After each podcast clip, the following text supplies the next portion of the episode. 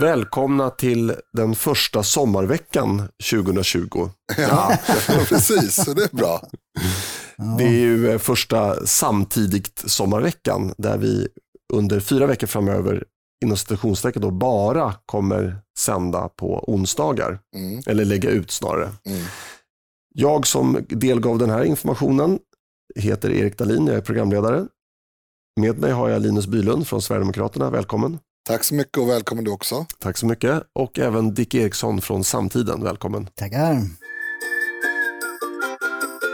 Dagens ämnen.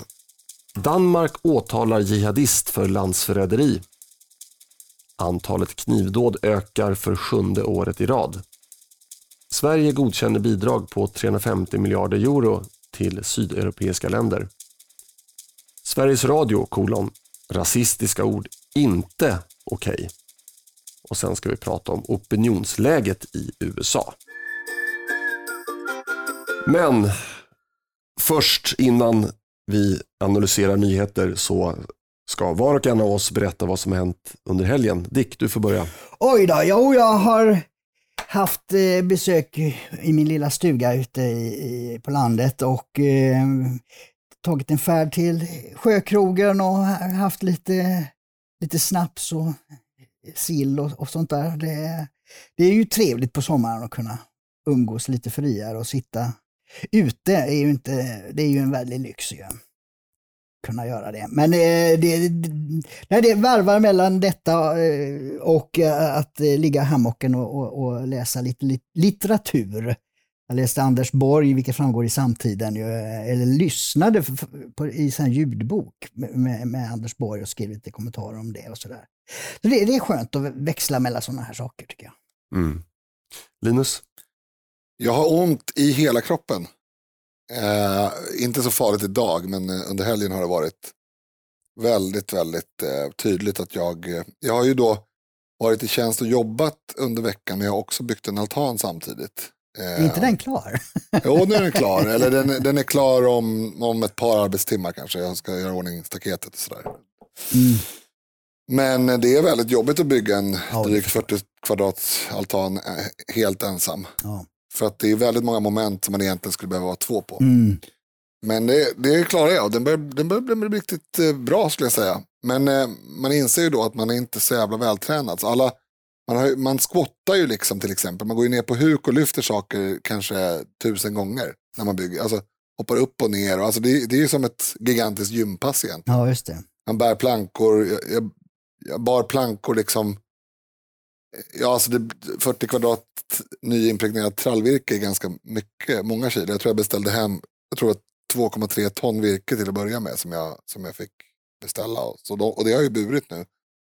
Och sådär, och så kanske man är lite kaxig så man tar lite, tog så många plankor på axeln så att det var svårt att gå. Alltså så att benen var det som var problemet och sådär.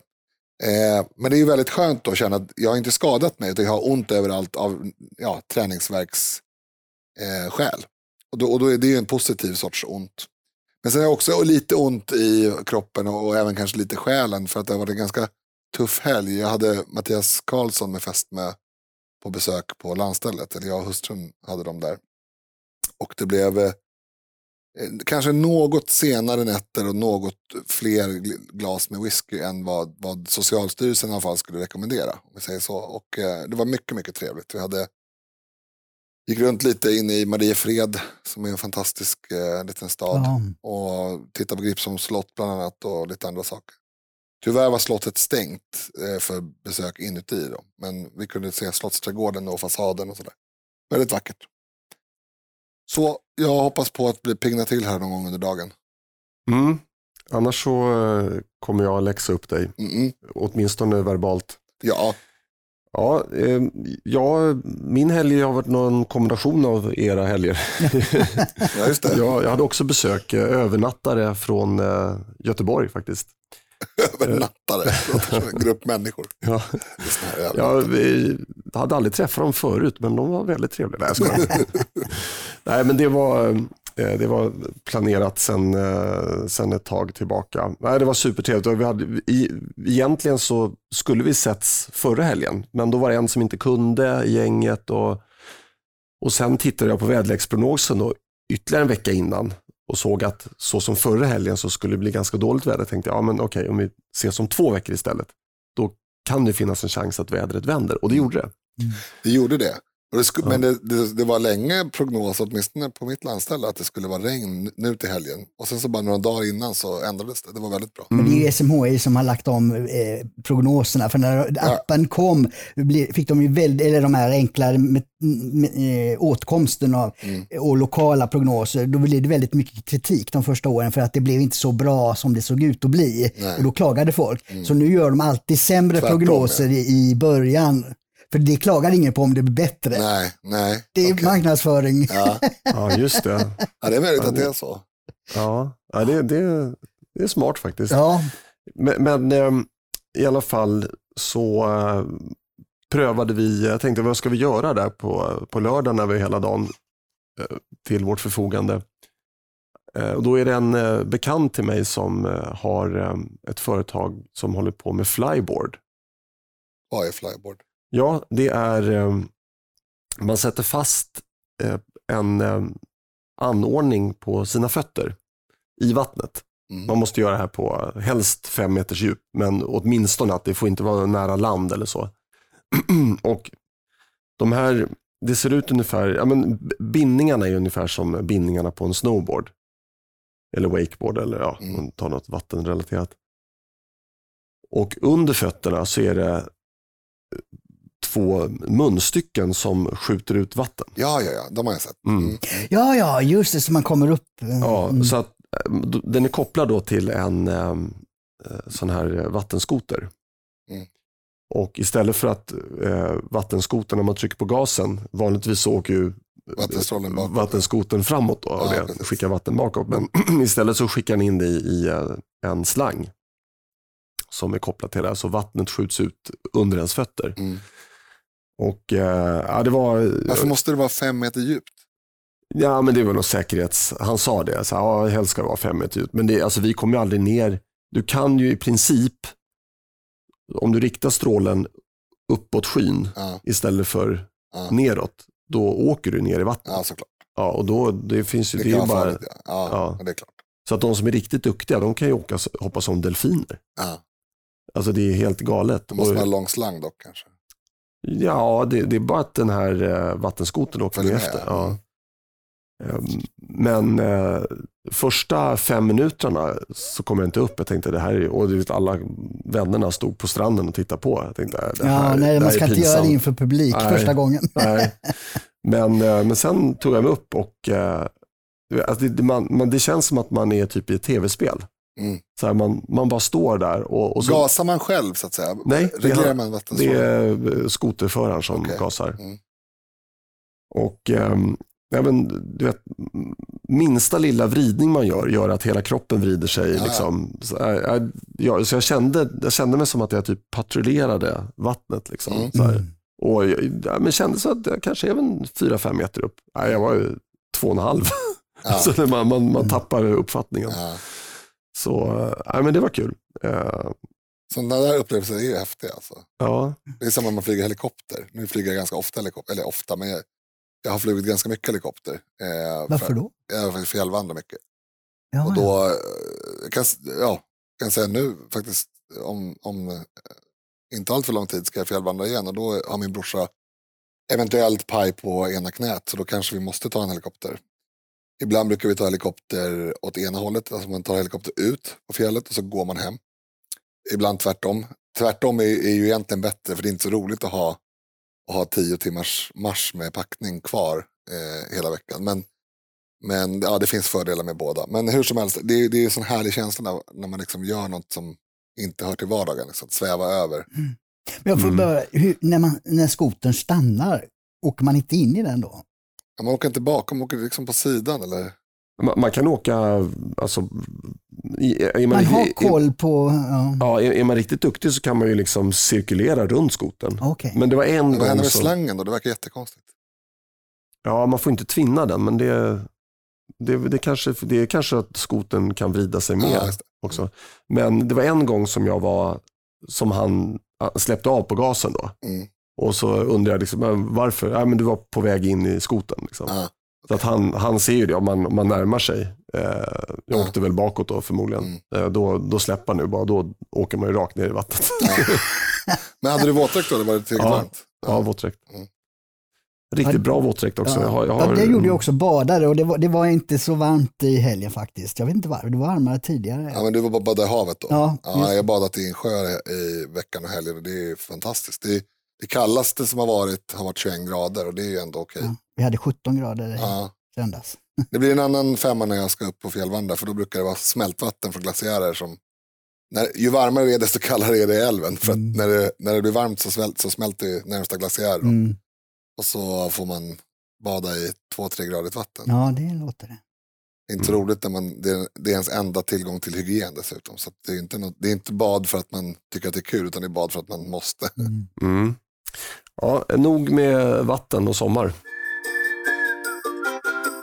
Danmark åtalar jihadist för landsförräderi.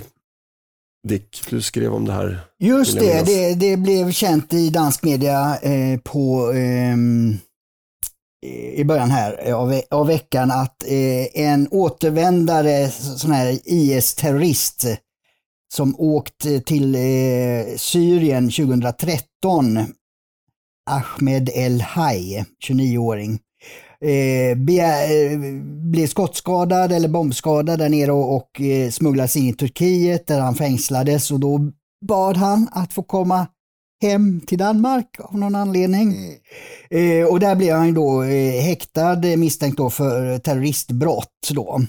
Men, men de kunde inte, eh, man har, har inga bevis på att han har själv halshuggit eller deltagit aktivt i sådana här våldsbrott då, men däremot så, har man filmer där han, då, här IS, de gjorde ju rätt mycket IS-filmer, Propaganda, propagandafilmer.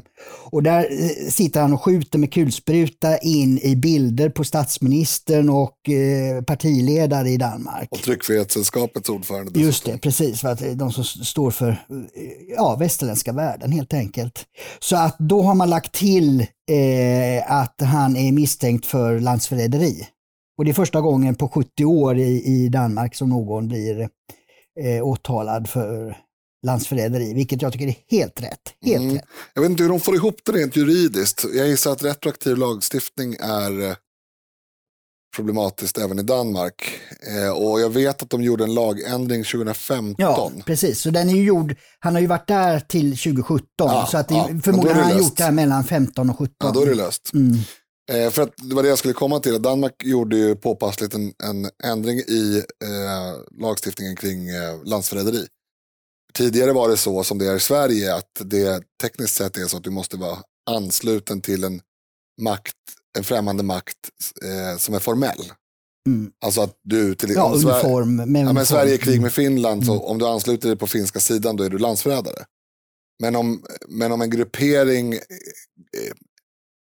extrema finnar, konstigt exempel det här, men det är kul med teoretiska exempel för då slipper man ta ansvar för att folk blir arga. Eh, grupp extrema finnar som bestämmer sig för att attackera Sverige men inte representerar finska staten, om man ansluter sig till dem, då är det inte, då är det inte nödvändigtvis landsförräderi, eller det är inte det i svensk Nej. lagstiftning, eller i dansk före 2015. Men de ändrade ju så att även om du ansluter till en icke-formell grupp, en löst sammansatt nätverksartad grupp som till exempel IS, som ju själva anser sig vara en stat, Mm. ehm, och, vilket gör det hela väldigt logiskt. Ja, att ansluter man sig till en, till en eh, främmande makt som, som betraktar sig som en statsbildning, då, eller egentligen oavsett om de gör det eller inte, så, så är man ju landsförrädare. Man ansluter sig ju i ett krig mot sitt eget land. Och här är det, ju, det här visar också skillnaden mellan Morgan Johansson, våran svenska justitieminister, totala inaktivitet, Mm. totala nonchalans, totala eh, disrespekt för svenska värden. Att han gör ingenting. Medan Danmark på område efter område under de här åren på 10-talet såg till att ändra lagstiftningen så att man anpassar den så att den passar med just de här nya Mm. villkoren som gäller när det gäller terrorism. Mm. Nej, men man har ju andra eh, åtalsbara företeelser. Hatbrott till exempel är också lite sådär Mm. svävande. Och det här är ju att om, om man ansluter sig till en terroristorganisation som har det ut, även om IS, eh, eh, Islamiska staten, eh, inte formellt är eh, en stat, så har de i alla fall formellt uttalat ett hat mot Mm. det vi står för. Ja. Så, Men sen blir det också mm. principiellt konstigt att ha den definitionen därför att tänker en situation där till exempel då Palestina inte var erkänt av något annat land. Men det har ju funnits en sån situation tidigare.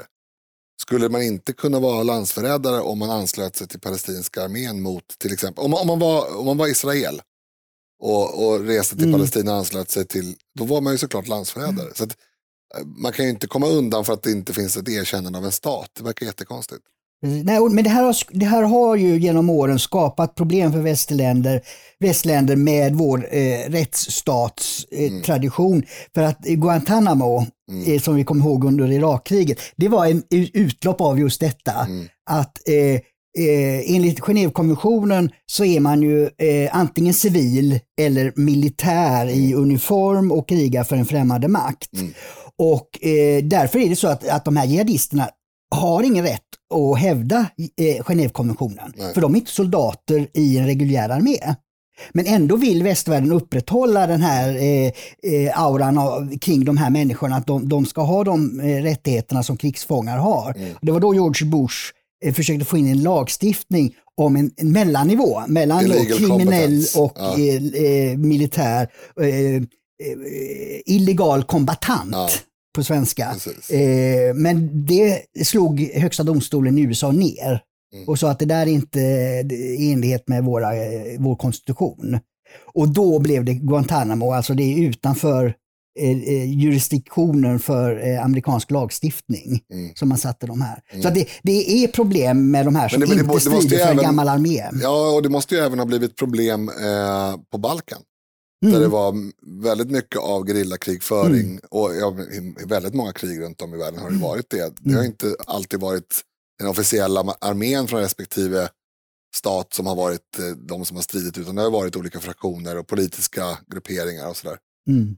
Så det är väldigt eh, onödigt att ha den definitionen på, på statsmakt. Så att säga. Mm. Men jag, jag, jag tror att det är få områden där förnuftet säger att det här kan inte vara tillåtet, men det är tillåtet. Ja.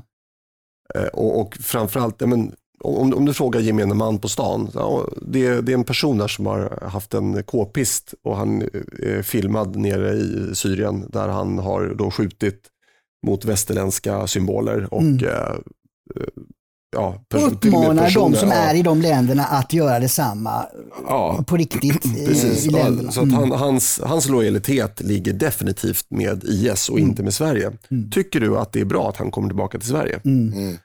Eh, och, och tycker att han ska få göra det? Jag, jag tror att en majoritet skulle säga nej där. För Ja, att förnuftet ja. säger så här, men var, varför ska han gå runt på, på våra gator? Det är, ju, det är ju inte alls bra. Men, Men det, det är, ju, men det det- är mycket konstiga regler och lagar just när det gäller krig. Ja. Mm. Alltså som, som, aldrig, som alltid är lite konstiga. Sådär, till exempel, eh, man måste ju ha en viss ammunition. Det- Det det ska ju inte vara dödande ammunition.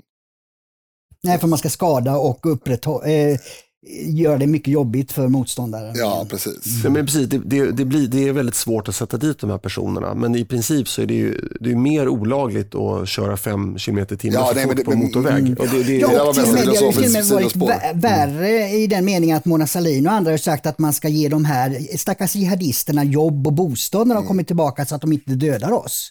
Mm. Alltså det är en helt omvänd, helt galen, sinnessjuk logik som, som väldigt många eh, politiker, men eh, ja, jag vet inte hur det är med, med, allmänheten, har kring, kring det här. Alltså här går, i Sverige går det runt flera hundra IS-krigare, som man kan kalla dem om man nu ser dem som en armé, eh, men IS-terrorister, som har begått vidriga brott nere i Syrien, men de har inget straff, ing, ingen bestraffning överhuvudtaget.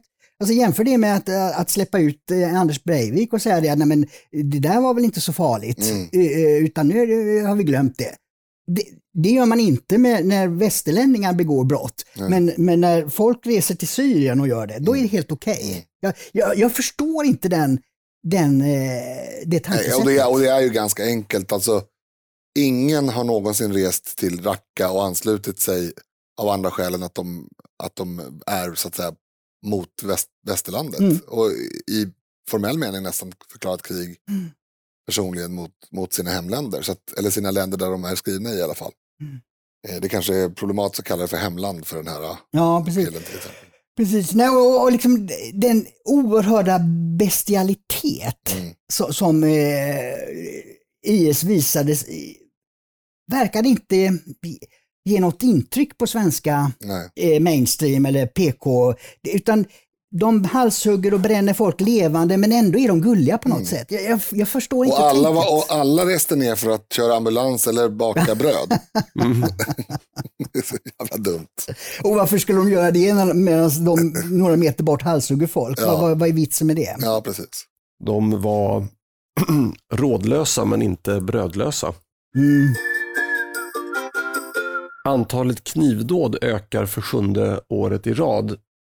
Jag tittar lite som hastigast på statistik som du visade för mig Dick innan vi Ja. började spela in. Och eh, Det var ju beklämmande. Det har ju fördubblats på, vad är det, åtta år eller något sånt där. eh, Sen- 50 procents ökning Ja, ja, okej, 50 procents Mm. ökning. Ja.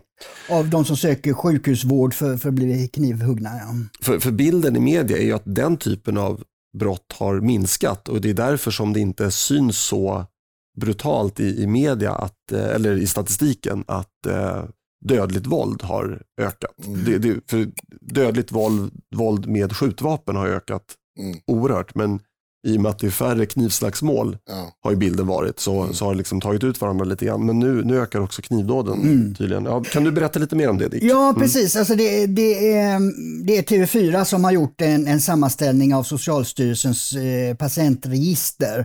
Och eh, som visar då att det är som sagt inte bara skjutningar som ökar utan eh, att eh, knivdåd har ökat från 624 eh, som eh, krävde sjukhusvård då alltså, 2012 eh, och, och 2019 så var det 923, så det är alltså en 50% ökning på de här åren. Och eh, eh, en anledning till att ta upp det just nu är ju att en, en 80-årig kvinna blev på lördag eftermiddagen svårt knivhuggen med flera hugg bakifrån i Falkenberg och är, är nu svårt skadad. Och eh, Eh, det, det är ju som då polisen säger att det, det, folk känner ju en, en väldigt stor oro liksom när, Mm. när eh, gamla människor som är ute på en promenad mitt på dagen blir nerhuggna i Sverige. Men det är det nya Sverige. Det låter ju som antingen en väldigt psyksjuk person eller eventuellt någon typ av terroristbrott. Men det borde ju i så fall varit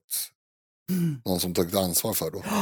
Och, och jag tänkte det när det skedde i, i Falkenberg som är en ganska liten eh, ort som jag har varit i många gånger, eh, så borde man ändå ha ett, ett hum om vem det skulle kunna vara.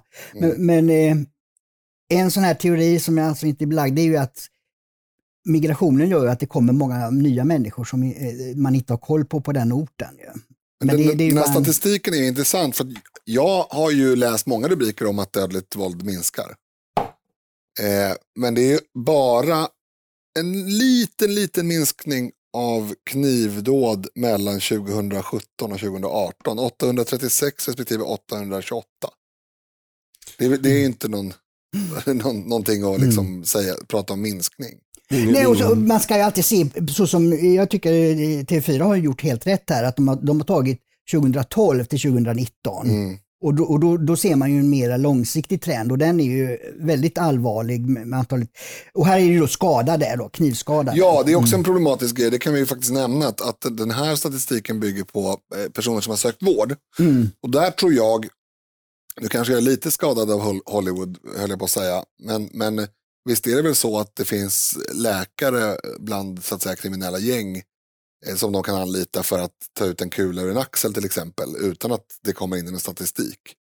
Det är Eh, möjligt. Så det är väldigt svårt att veta om, om alla som skottskadas, för skottskadade är också med här Ja, eh, skottskadas eller knivskärs eh, också söker vård på ett sånt sätt så att de hamnar i statistiken. Det vet vi ju inte. nej.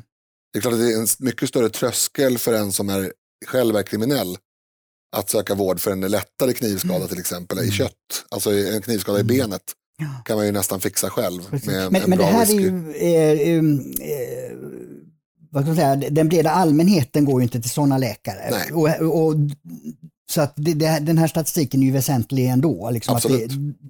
det, Så, som, när, när, trenderna hit eller dit är ju såklart Mm. intressanta alldeles oavsett. Jag menar bara att det kanske finns ett ganska stort mörkertal. ja. Ja, och som vanligt har vi inte någon aning om vilka som har gjort det här Nej, och vad ökningen beror på. nej, det får vi inte ta reda på. Nej. Sverige godkänner bidrag på 350 miljarder euro till sydeuropeiska länder. Jag eh, lyssnade på det här i radion, eh, eller i bilen eh, på P1 på vägen hit och då hörde jag siffran 350 miljarder, eh, 370 kanske var till och med. och då, då, då tyckte man ju då att ja, då har ju Sverige närmat sig de andra länderna eh, i och med att man har gått med på att ge det här som bidrag och inte inom citationstecken bara som lån. Ehm, Men tydligen så har Frankrike satt någon lägsta toleransgräns på 400 miljarder. Och det betyder ju alltså på svenska då 4 000 miljarder kronor. Ja, som EU ska låna upp och som Sverige bland annat ska gå i borgen för. Så det är svenska, och jag, jag är så irriterad på svenska medier här, det brukar vara Linus som är det, men tänk på det ni som lyssnar. När journalister rapporterar om sådana här händelser så anger de alltid EUs och Bryssels position som det rimliga. Och att Sverige är snåla, Sverige avviker och Sverige krånglar. Va- Var, varför företräder svenska medier eh, sammantaget och gemensamt Brysselbyråkratins position. Jag fattar inte det. Nej. Alltså det int- intressanta med hela den här nyheten tycker jag är att den 15 juli, alltså vad är det, förra onsdagen, Mm. för en vecka sedan, så säger Stefan Löfven, vi behöver en återhämtningsfond, men den ska vara i form av lån, lån inte bidrag. Ja, det var ju lite illavarslande att han, att han sa det, det borde man ju fattat. Alltså, ingenting han har sagt har ju, Nej, liksom, har de- ju stått de- för. Nej, men det, det, är ändå, det är ändå häpnadsväckande. För det var, jag menar, hade han varit lite smart här, då hade han sagt att vår ambition är att det här ska bli i form av lån. Mm. Men nu säger han liksom, inte bara att han säger att det ska vara i form av lån, han säger också uttryckligen inte bidrag. Några dagar senare så har han övertalat EU-nämnden att hälften ska vara eh, utan återbetalningskrav, Men- det vill men, säga eh, bidrag. Vet du varför? Martin Kinnunen säger ju i en intervju med Nyheter idag, det beror på att man har kastat in ordet klimat. Precis. Och då helt plötsligt då faller Sverige till föga. Vi är beredda att skicka hela vår bruttonationalprodukt Mm. bara vi får höra ordet klimat. Det, alltså, de, de är helt dumma i huvudet alltså. De är helt galna de här, den här svenska regeringen och eh, de som representerar eh, ja, Sverige i det här sammanhanget. För att det, är ju som vi tog upp eh, förra veckan med, med Leif Pagrotsky, då, en tidigare S-minister, som sakligt går igenom det här och säger det har inte ett skvatt med, med corona att göra. Och det har de ju börjat förstå. Och då, då kastar EU-kommissionen in klimat. Och då är det helt fritt fram och pressa svenska skattebetalare på hur många miljarder som helst. Och Martin Kinnunen i den här intervjun får ju han till det eh, med ett svar som går väldigt mycket i linje med Eriks och även min och även Dicks hållning som vi hade för någon vecka sedan angående hur mycket pengar Sverige ska betala till sydeuropeiska länder som inte har skött sin ekonomi särskilt bra. Om ni minns. Mm. Eh, och då säger eh, Kinnunen det innebär att Sverige ska garantera lån till bidrag och lån till lån på över 200 miljarder kronor. Pengarna ska gå till länder med misskötta statsfinanser där exempelvis Italien inte balanserat en budget på över 50 år. Svenskarna röstade nej till euron och nej till att lämna över makt till, över finanspolitiken till EU. Mm. Ja, och det är ganska glasklart. Det är alltså samma hållning som vi hade egentligen. Precis. Och det här eh, fonden som det då heter, förut hette den då coronafond och nu är, är det någon sorts corona slash klimat slash ja, allting man kan hitta på för att det ska låta, eh, för att svenska medier bland annat ska falla pladask för det. Eh, men att ha liksom tusentals miljarder i en sån här fond innebär att ju Sverige indirekt är knutet nu till, eh, till e- europrojektet. Därför att hade man sagt att det här behövs för euroländernas Eh, då hade ju Sverige sluppit. Som, som i Grekland, då var inte Sverige med och betala eftersom Sverige inte var med i euro. Men nu, eh, nu har man ju kommit på det att för att komma åt den svenska statskassan så kan vi inte säga att det här har med euron att göra. Nej. Utan då är det corona, klimat och allt möjligt annat som man hittar på. Och svenska politiker pladd, faller f- till föga och låter dem tömma. Som att vi inte betalar tillräckligt till EU. Nej, precis. Vi betalar ju redan den högsta nettoöverskottet. Va? Men nu ska vi punga ut ännu mera. Va? D- Den lyssnare som till äventyrs eh, är positiv till EU fortfarande, så skulle jag vilja att den personen reflekterade över att när vi folkomröstade om EU, alltså inför Mm. folkomröstningen, då var det ju framförallt ett parti som var väldigt negativ till EU. Och det var Vänsterpartiet. Ja. Nu är de inte det längre. Nu är de positiva Vänta till EU. vi, vi var väldigt negativa. Ja, jo, men eh, ni fanns ju knappt höll jag på att säga. Nej, men eh, Nej, ni, nej, ni blev ju inte vi var fram... inte någon maktspelare. Nej. Nej, precis. Och det var inte så att eh, tidningarna slogs om att få höra en kommentar från Anders Klarström eller vem det var på den tiden. Ja, det var inte 94, men visst var det 94? ja, Nej, Då var det- 2003. Då var det Ja, ja, EU euroomröstningen var 2003. ja. 2003, ja då kanske det var Klarström. Nej, men 94, eh, alltså jag tänkte på att gå med i EU. I- Okej, För okej. vi har ju Ja, inte- det var 94. Mm. Ja. Och då var det definitivt Klarström. Ja, nog. Ja. Eh, nej, men, ja, förlåt kära lyssnare, det var ett sidospår. Ja, det är kul med sitt. Ja. Eh, Men, men, eh, ja, men det, man, då måste man tänka så här, men varför har nu Vänsterpartiet helt plötsligt blivit så positiva till EU? Vad kan det bero på? Mm. Är det att Vänsterpartiet helt plötsligt har blivit vettiga? Nej, det är för att EU har blivit ovettigt. Ja. Så pass ovettigt att jag tycker att vi borde också förhandla om eh, ett eh, ut, utträde. Jo, nej, men det var ju Mm. så. Jag, jag kommer ihåg, jag var ju med i, i eh, EU-kampanjen ni- 94 eh, och då var jag på ja-sidan. I euron eh, 2003 var jag på nej-sidan. Men, eh, för att 94 då sågs ju eh, EU som ett marknadsprojekt. Mm. Det var en, eh, grunden för EU-samarbetet var att skapa en frihandelszon. Att göra det enkelt med utrikeshandel och handel mellan, mellan länderna. Och det är ju själva kärnan för hela EU-projektet. Men efter det, då har man hela tiden byggt på massa politiska eh, ingångar och, och det, det här paketet vi diskuterar nu, det är ju bara politik. Ja, men och jag vill säga det som, som lite motvikt till det eh, Erik säger, att det blir ju lite märkligt. Alltså, det finns, EU är ju in, inte en sak, det är ju en massa papper. Eh, Otroligt många avtal. Och Eh, massa byråkrater också som Mm. får en väldigt bra lön. Ja, men, men det, är ju, det, är ju, det är inte en sak. Det är, ju, Mm. det är att säga att vi måste gå ur EU, det är ju som att säga om, en, om, en kommun, om kommunerna sköts dåligt så, så kan man inte säga att vi ska avskaffa kommunerna. Fast, fast nu nu eh, måste jag säga, jag sa att jag tycker att vi borde förhandla om ett utträde. Ja, Mm. jo, vi, vi, borde, vi borde definitivt skriva in undantaget från euron i grundlagen till exempel.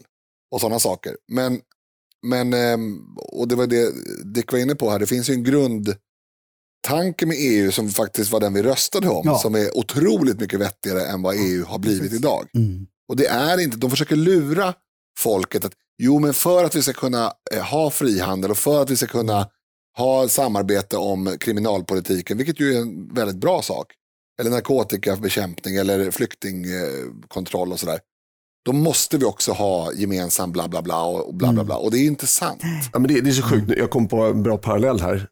Alltså BLM, Black Lives Matter, det är ju typ så här, om de, de skulle kunna fråga mig, ja Erik, tycker du att det är bra att en vit polis kvävde en, en svart man till döds för någon månad sedan? Nej, bra, då river jag den här statyn. Ja, Alltså, det- det, det är så. Ja, men helt sjukt ju. och, och samma sak här. Erik, tycker, tycker du att det är bra med frihandel? Mm. Ja, bra. Då skickar vi 300 miljarder till Italien. Ja, Ja. Alltså, det, det, det, är det, är- ja, det är absurt. ja, det är absurt. Precis, Mm. jo, nej, men jag- jag hoppas nu eh, att, att eh, britterna eh, kommer ur eh, utträdet på, på ett bra sätt och visar att, att eh, EU-projektet är inte nödvändigt för, för ett exportberoende land eh, som Storbritannien är och som Sverige är. Och, och då, då är det verkligen dags att, att börja ta upp det med att eh, eh, ja, i alla fall eh, skifta ut så att man gör de olika delarna i, i det stora EU-projektet, om man kallar det det, och säger det att det här med frihandel och så, det, det måste Sverige vara med vi, vi, vi, eh, vi behöver det för att kunna exportera. Men alla andra byggstenar som, som eh, kriminalpolitik eller eh, gränsbevakning, alla de projekten borde vara frivilliga för varje land Ja, och ses det- som en enskild Absolut. enhet. Så att Absolut, säga. och det har ju funkat, det har funkat innan EU. Alltså, Mm. polisiärt samarbete Mm. inom Europa har ju funnits eh, långt före EU Mm, fanns. Så att precis. egentligen är det inte, men, men det, det, egentligen tycker vi samma sak då. Vad, vad man skulle vilja se det är en folkomröstning, eller först en folkomröstning egentligen om en, en ehm, eller för, först ett, ett förhandlande om ett nytt avtal. Och då är det ju då är det egentligen vad man ska komma med till Bryssel är ju ett, ett nytt avtal som är till Sveriges fördel eh, och i andra vågskålen en omröstning om att vi ska gå ur. Mm. Eh, och, och, så får man ta det därefter. Och det skulle, jag tror att det skulle ha goda chanser att, att bli riktigt bra, men det är ju liksom ingen som vågar. Nej, precis. Och det, det, jag, jag tror att det är viktigt nu med Brexit där, eftersom det, britterna har ju tagit ställning mot alla etablissemang här, mm. när man har gjort det här. Och man har ju alla etablissemang på sig och alla medier följer makten, lydigt följer mm. makten och rapporterar det som så tveksamt som möjligt så att säga. Och det gör att eh, opinion just nu är, är ju inte i läge för det, men eh, man kommer ju aldrig att kunna ljuga om fundamenta för Storbritannien framöver. Nej. Hur de klarar sig utanför Ja, det som grumlar lite det är ju coronakrisen. Det är ju, det är ju svårt för gemene man att skilja effekterna mm. av corona. Alltså jag tänker för gemene britt. Mm. Jo men det, där har man också det långsiktigt, men det är det, det, det är långsiktigt. För att eh, många klagar ju på eh, Margaret Thatcher när hon införde massa reformer eh, under 80-talet då. Mm. Och, och, man sa oh, nu, nu kommer Storbritannien att fallera och bla bla bla. Men, men sen visar ju sig när man drog de långa tillväxtkurvorna och de långa eh, eh kurvorna på, på hur välfärden utvecklades så låg ju Storbritannien bland de sämsta på 70-talet mm. och tillhörde de bästa på 90-talet. Mm. Så att hennes reformer gav ju väldigt fundamental, mm. vital kraft, ny kraft i Storbritannien. Så att Storbritannien blev en stormakt in, inom eh, EU. Så att säga. Mm. Så att, de här långa eh, trenderna kan mm. man aldrig ljuga om. Va? Nej, men å andra sidan så tar de väldigt lång tid att veta ja, när de kommer. Det, det är det som är mm. problemet. Jag, jag, tänkte på det här du sa Dick, om eh, hur medierna i Sverige beskriver EU och mm. eh, vi har ju pratat mycket om public service tidigare i den här podden. Och det är ju så att man måste ju läsa eller lyssna lite grann mellan raderna när man lyssnar ja. på, på mm. Sveriges Radio. Och, och då kryper det fram enorm kritik mot EU. Det, gjorde det idag i alla fall, eller kritik mot, mot eh, samhällsutvecklingen och så. Men man måste lyssna på rätt sätt. Mm. För nu, nu var det en, en, en reporter då som eh, befann sig, tror jag, då, på plats i Bryssel och som, hon rapporterade om det här i alla fall. Och så, eh, just det här att det hade skjutits upp. Man skulle ju bestämt sig på lördagen och sen så har det skjutits och skjutits nattmangel så här. Och så, ja, men varför blir det alltid så här, frågar hon, hon som satt i Stockholm då. Jo, ja, det, man kan ju tro att det beror på att man är oense och så och det, det, man kan få det intrycket. Men jag skulle vilja vända på det. Nu citerar jag inte exakt, mm. men eh, att Eh, det är klart att man är oense om frågor, men det här visar ju styrkan också att man kommer överens. Man kommer nästan alltid överens i slutändan. Och det hon säger då, det är ju det att det är maktländerna inom EU lägger fram ett förslag mm. som till exempel Sverige säger ofta, då, men vad håller ni på med? Mm. Här, så här kan det inte gå till. Mm. Det här kommer vi rösta nej till. Mm. Men så röstar Sverige till slut ja. ja. Så att det hon säger det är att det läggs fram en massa förslag i Bryssel som inte alls är bra för Sverige, mm. men som vi ändå röstar ja till. Som vi blir överkörda för. Ja. ja och är det bra för Sverige? Mm. Nej, det är det inte. Så att, tack Sveriges Radio Public Service att ni berättar för svenska folket att vi röstar ja till en massa saker som vi egentligen borde rösta nej till och att vi därmed måste slutsatsen vara att Sveriges Radio tycker att vi borde lämna EU. Mm. Sveriges Radio, kolon, rasistiska ord, inte okej. Okay. Ja, mycket Sveriges Radio idag. Det här var en jag får bara säga det, ja. där håller vi väl med eh, Sveriges Radio, att det är inte okej med rasistiska ord. Eh, Bra att exempel... du tog ordet Linus, för du ska få, förklara det här. Ja, ja. Eh, okej. Okay. Eh, tack. Det handlar alltså om eh, Sveriges Radios eh, Facebook hantering av kommentarer på Facebook egentligen. Där man har, man skrev, jag orkar inte citera ordagrant, även om jag skulle kunna, för jag vill hellre ta det ur minnet. Men man skriver ungefär att vi har rensat nu bland kommentarerna och på, påminner om att rasistiska ord som indian och eskimo inte är okej okay och det kommer att raderas. Och man kommer även, eh, senare skriver man att man kan, kommer blocka som man använder den typen av rasistiska ord. Och då känner jag bara så här att nej, det, det är ingen som använder vare sig indian eller eskimo i någon rasistisk mening. Och det är ju uppsåtet som är det intressanta. Oh, precis. Om man inte förstår det, då, då ska man inte ge sig på någon typ av rättsskipning överhuvudtaget. De flesta som använder ord som inte PK-folket eh, på Gärdet har godkänt, de gör inte det för att, för att eh, trycka ner någon eller för att eh, något annat, utan de gör det därför att det är det ord de har på inuiter i det här fallet till exempel. De säger Eskimo, därför att det är det, det de har lärt sig och det är inget konstigt med det. Lite som vi var inne på med, med Malcolm Tune här för några avsnitt här sen. Att det är liksom hela tiden nya regler för vad man får säga och inte. Mm. Och det är för att få folk att hålla käften helt Ja, och det är en otrolig makt, eh, maktspråk och, mm. och härskarteknik ja. i det här. För det är inte, jag hade kunnat absolut tycka att det var acceptabelt om de skrev att vi försöker undvika ord som indian och eskimo och vi, vi tycker att eh, ursprungsamerikan och eh, inuit är bättre, bla bla bla. Eh, I någon liksom snäll ton eh, och kanske mest referera till sig själva vad de skulle använda. Men att skriva inte med stora bokstäver, att någonting inte är okej, okay, det är ganska det är ganska tydligt, det är ganska övertydligt. Om någonting inte är okej okay med stora inte, då, ska det, då tycker jag det ska vara liksom någon, någon typ av uppsåtlig sak, trakasserier mm. eller vad det nu kan vara.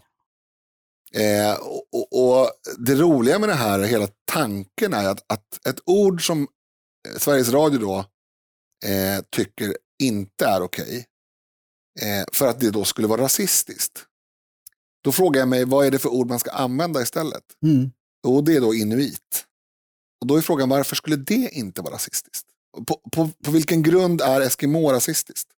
Är det, är det någon som någonsin har uppfattat ordet Eskimo som nedsättande? Nej, Nej det är ju exotiskt och spännande och, och ja. annorlunda. Och, ja. ja. Jag, jag, har, jag har aldrig någonsin uppfattat, vi kan dra parallellen till samer eh, visavi lappar.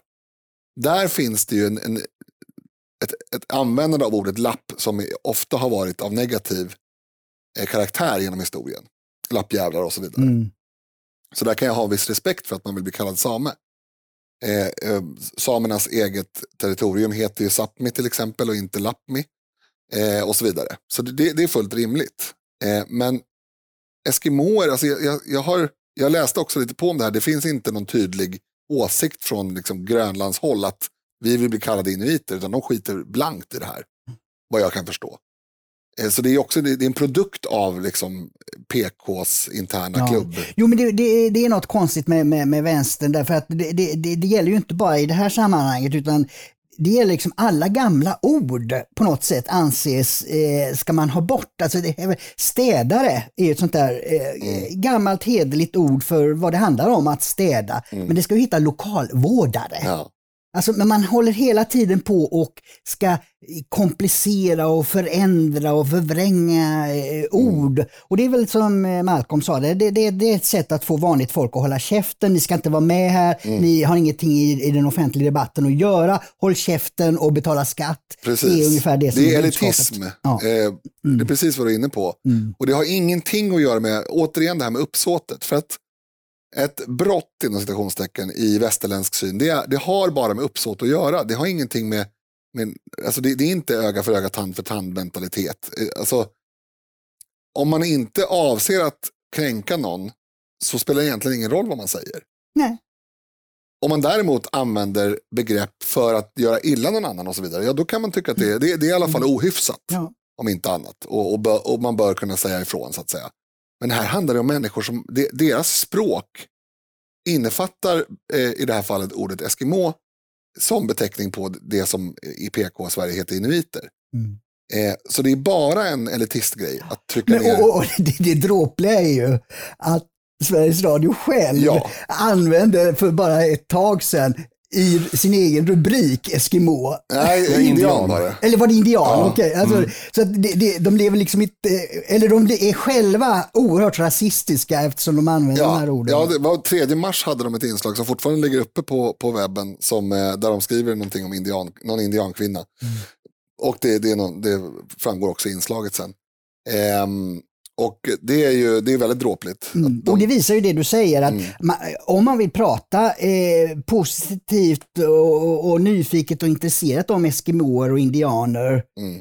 så vill alltså den som har skrivit i alla fall det där inlägget ja. eh, för Sveriges Radio att man inte ska göra det. Ja. Man ska förtiga dem, man ska inte prata om dem och det är ju också en väldigt konstig inställning. Jag vet inte hur mycket liksom anti-inuitism och anti-ursprungsamerikanism det finns i Sverige överhuvudtaget.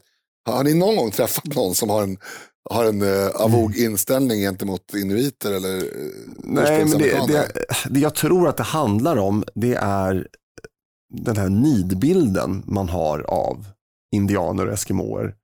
Att, ja, indian, då, då, då, tänker jag liksom på framsidan av Tintin med, ja. det stod någon med fjäderskrud och sådär. Och jag, tyck, jag tycker inte att det är en nidbild. Alltså det, det är en, det är en positiv nidbild. Ja, ja, precis, inte ja, de där fjädrarna en, det, en eh, högtidsdräkt, så att säga? Att, en, ja, det är i alla fall någon sorts statusdräkt. Ja. Alltså det, vem som mm. helst får inte ha det. Men Nej, men då, då, menar man eh, att, det, nu, nu bara spekulerar jag, men, men då menar man väl att ja, men det, det här är västvärldens syn på indianer och det, det är mycket mer än så. Därför får de inte heta indianer utan då är det liksom ursprungsbefolkning, native americans.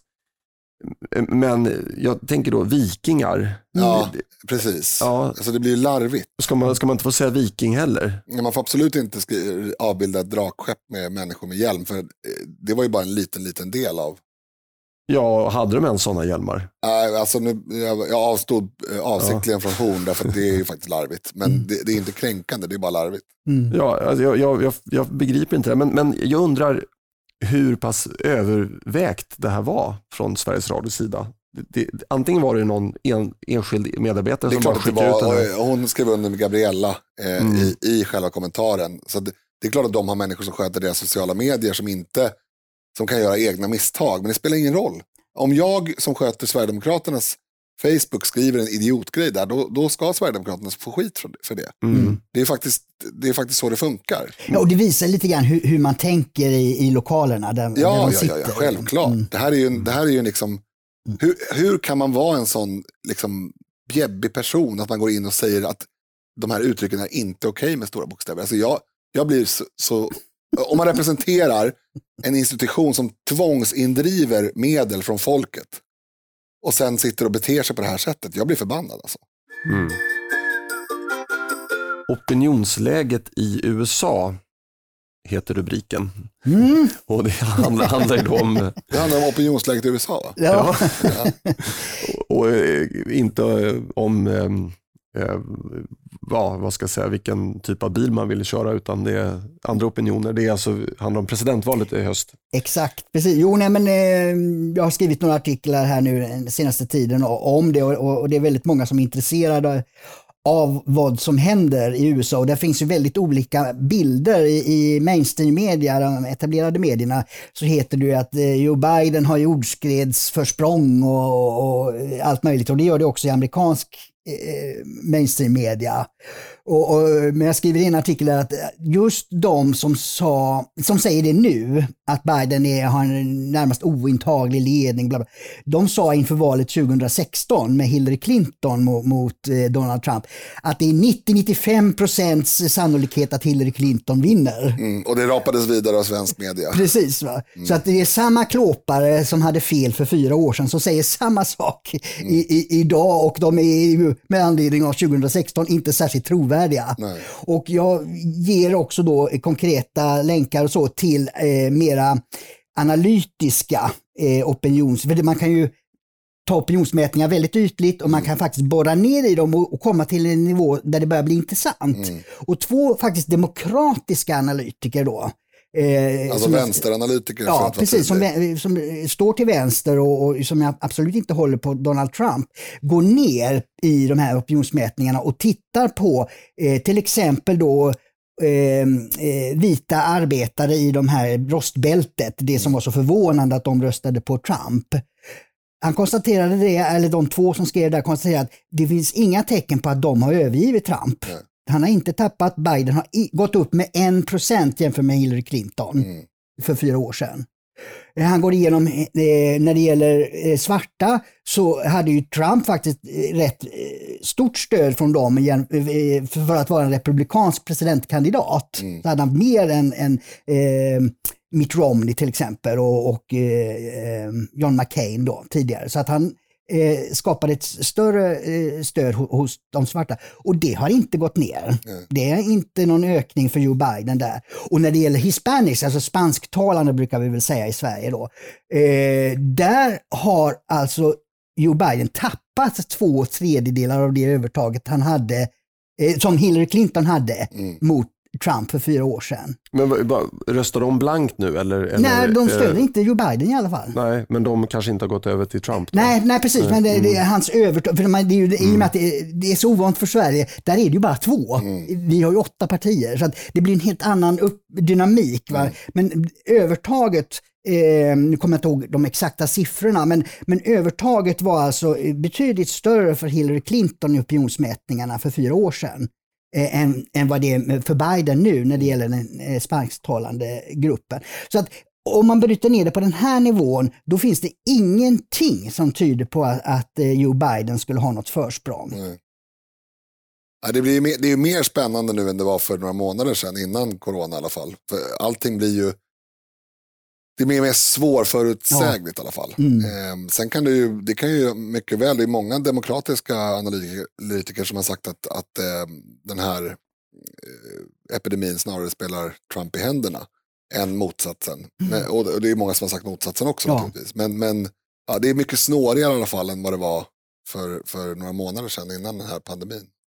Jo, det har ju kommit in den där eh, aspekten om, om eh, eller ska man kalla det rädslan för viruset. För, det, för det är ju så, det är ett virus som inte syns och som sprids i allmänheten och sånt väcker alltid oro i befolkningen. Och vad den oron tar vägen är ju alltid eh, svårt att förutsäga. Mm. Jag, lyssn- jag tror att jag lyssnade på radio, eh, kan ha läst det, men det, det var väl någon vecka sedan eller något sånt här. Och eh, i alla fall huvudbudskapet var då att eh, i Texas, det är ju traditionellt en republikansk stat, där eh, höll det på att tippa över. Så att dem, dem- Demokraterna närmade sig. Och Det här berodde då på att eh, man hade fått in fler studenter i Texas. Av någon anledning, man kanske hade byggt universitet eller vad det nu, det måste ju bero på någonting. Eh, eller, eller, eller, att, eller att studenterna hade svängt, att, Mm. att fler studenter hade blivit demokrater. Så, så kanske var Ja, det, det, det tror jag det är. Men det, då måste måste man också, det finns två fallgropar när det gäller amerikanska opinionsmätningar. Det ena är, har eh, institutet frågat registered voters eller inte? Mm. Och, och de som ger sånt där övertag har ofta inte eh, avgränsat det till registrerade väljare. För i USA måste man gå och registrera sig för att kunna gå och rösta sen. Va? Och bland unga så är valdeltagandet väldigt lågt. Så att eh, de unga kan, till, eh, om, om de eh, dras med i det här BLM och allt det där och säger att de ska rösta på Demokraterna, sen på valdagen gör de inte det. För de har inte ens brytt sig om att gå och registrera sig. Så det är, det är en viktig faktor om institutet har gjort det eller inte. Det andra är att de som har registrerat sig i USA, det, jag tycker det är väldigt konstigt, men då registrerar man sig som republikan, demokrat eller oberoende. Vilket är jäkligt konstigt. Eh, men det gör man och de flesta institut, jag försöker alltid kolla hur de har gjort, de flesta institut som ger sån här övertag till Biden, de har av någon anledning 10 procentenheter fler väljare som har registrerat sig som demokrater än som republikaner. Vad konstigt varför att det då då? blir ett övertag för demokraterna. Vad Mm. konstigt. Men vet du vad det beror på? Nej, jag har ingen aning. Det verkar Ja, jättemärkligt. det, är- det är ju helt Men, snurrigt. men, men, men det är, om, kan man gå och registrera sig som oberoende och sen rösta på Trump till exempel? Ja, för valdagen är, registreringen är ett tillfälle Ja. och valdagen ett annat. Ja. Men det verkar jättemärkligt att man, att man måste registrera sig Ja. vilk, vilken man... Ja, ja vilket parti. Och det, och, och, det under primärvalssäsongen, framförallt i New Hampshire och de, dels, de här tidiga delstaterna, där har de lite olika regler. I vissa delstater kan man vara re, re, registrerad som republikan men ändå gå och rösta i det demokratiska primärvalet. Okej. men, för det skulle annars vara ett skäl att vi, vilka får vara med och rösta om vilken som ska vara partiets Ja, kandidat. För det är ju så i USA att, att eh, där är det väljarna Mm. som avgör part, vem som är partiledare eller presidentkandidat. Inte eh, förtroendevalda i partiet, utan det är väljarna som avgör det. Så att, eh, det, det hade varit en intressant tanke för Sverige. Mm. Ja, precis. Ja, just det. Ja, men det där med Texas, det, det var studenterna då som hade eh, blivit mer demokrater och, procentuellt sett och eh, även att eh, andelen hispanics hade ökat i Texas tror jag. Eh, Mm. och, och att de då tenderar att rösta mer demokratiskt. Men då, men då tänkte jag så här att de, att de inte funderar lite grann över vilka det är då. Ja, studenter, det är ju en ganska privilegierad grupp då. Eh, De de bidrar inte med skattemedel direkt. Tanken är att de ska sen. Mm. Och, och sen då hispanics, ja det finns ju naturligtvis väldigt mycket duktiga hispanics och så, men, men i USA så är ju skattekraften från den kategorin är ju lägre än för eh, Mm. eh, majoritetsbefolkningen så att säga. Och att man inte, eh, att man inte reflekterar över det här. Att, kan, kan det vara något märkligt med den här politiken då? Men det är väl som i Sverige. Alltså, ja, det är precis som i Sverige. det är bara att titta ja. ut i liksom, eh, Spånga-Tensta-området. Det är klart att Socialdemokraterna och Vänstern är jättestarka. Det är Ja, bidragspartier. ja, Eh, så att, och och de, de, de, de inom citationstecken, då, nu pratar vi på gruppnivå som vi måste göra i, i sådana här sammanhang, men som, som kollektivet betraktat så är inte de intresserade av en, en lägre skatt för den som har en inkomst till exempel. De är Mm. intresserade av högre bidrag. ja. Nej, det är, att jag tycker um, det, den aspekten diskuteras aldrig. Nej, Um, förutom här. förutom här. Men nu trycker jag på paus. Det tycker jag. Då återstår det bara en liten kort avrundning. av- Ska jag sjunga sommar, sommar, sommar? Nej. Men nu gjorde du det ändå. Ja. Mm, ja. Sommaren är kort. Mm. Eh, Det finns, finns många fina låtar om sommaren. Ja, Somriga går i trasiga skor. Nej, kanske. Mm. Mm. I alla fall, det här var ju en s- sista ons- onsdagen på ett par onsdagar där vi tar upp aktuella nyheter. Men eh, du som är så pedagogisk Linus, kan Ja, du jag berätta tänkte, jag vad ska, som kan jag berätta händer? lite upplägget här? Då? Ja, Upplägget framöver kommer ju vara att eh, ni kommer serveras ett varsitt avsnitt där jag respektive Dick eh, kanske inte programledare men ändå är lite mer ansvariga för eh, de två avsnitten. Sen kommer vi faktiskt att ehm, jag är med men jag är marginaliserad. du är marginaliserad. Eh, Egentligen, om, om det ska vara helt ärlig, så om, om det skulle vara så att vi faktiskt kör att jag är programledare, då får ju du prata lika mycket som jag brukar göra istället. Och då Ja, blir det tvärtom. Du Nej, men du, då kommer jag, jag kommer få träningsvärk i tungan. Det kommer inte jag gå. också, du är inte van vid. Nej, men skämt åsido, eh, så det blir två avsnitt som vi kommer förinspela. Eh, Så att det som sägs i de avsnitten av, avseende kronologi och tidpunkter och sådär, det kommer vara lite skakigt, men det, det är som det. Eh, Sen har vi faktiskt att erbjuda er lyssnare en, en liten pärla som vi har haft liggande i byrålådan eh, under ganska lång tid. Det hände sig vid, vid vårkanten tror jag, eller om det var på vintern. Att Ja, vi det var hade en stund den här över. sidan årsskiftet i alla fall, men inte allt för Det långt. var in. 2020 men, men Mm. eh, knappt. Ja, som Mm. vi har haft som res- reservavsnitt om Ja, något skulle hända. Ja. Ja, och vi hade en stund över och vi bör, påbörjade ett, ett sånt eh, allmänt avsnitt. Och eh, om inte jag minns fel så var jag också tvungen själv att avvika. Så att ni höll låda i halva avsnittet ungefär. Mhm. Ehm, det kan vara intressant. Jag har faktiskt lyssnat på det eh, efter Ja, det är inte helt ointressant. Nej, det, det, Erik eh, tar mycket plats då såklart och vill han vill ju såklart ta över själva poddens eh, partiinriktning och jobba mycket med Ny Demokrati och sådär. så det, det är ett intressant avsnitt av den anledningen. Nej, men det, det, det kan ni se fram emot. Sen vilken ordning vi ska ta de här i, det får vi se lite. Men det jag. blir eh, utlagt varje onsdag. Varje onsdag framöver, så att ni får se det här avsnittet och kommande onsdagsavsnitt, tre stycken, som eh, veckans avsnitt. Bra, tack för det Linus. Och eh, tack, eh, ytterligare tack för att du eh, var med oss den här timmen. Tack själv.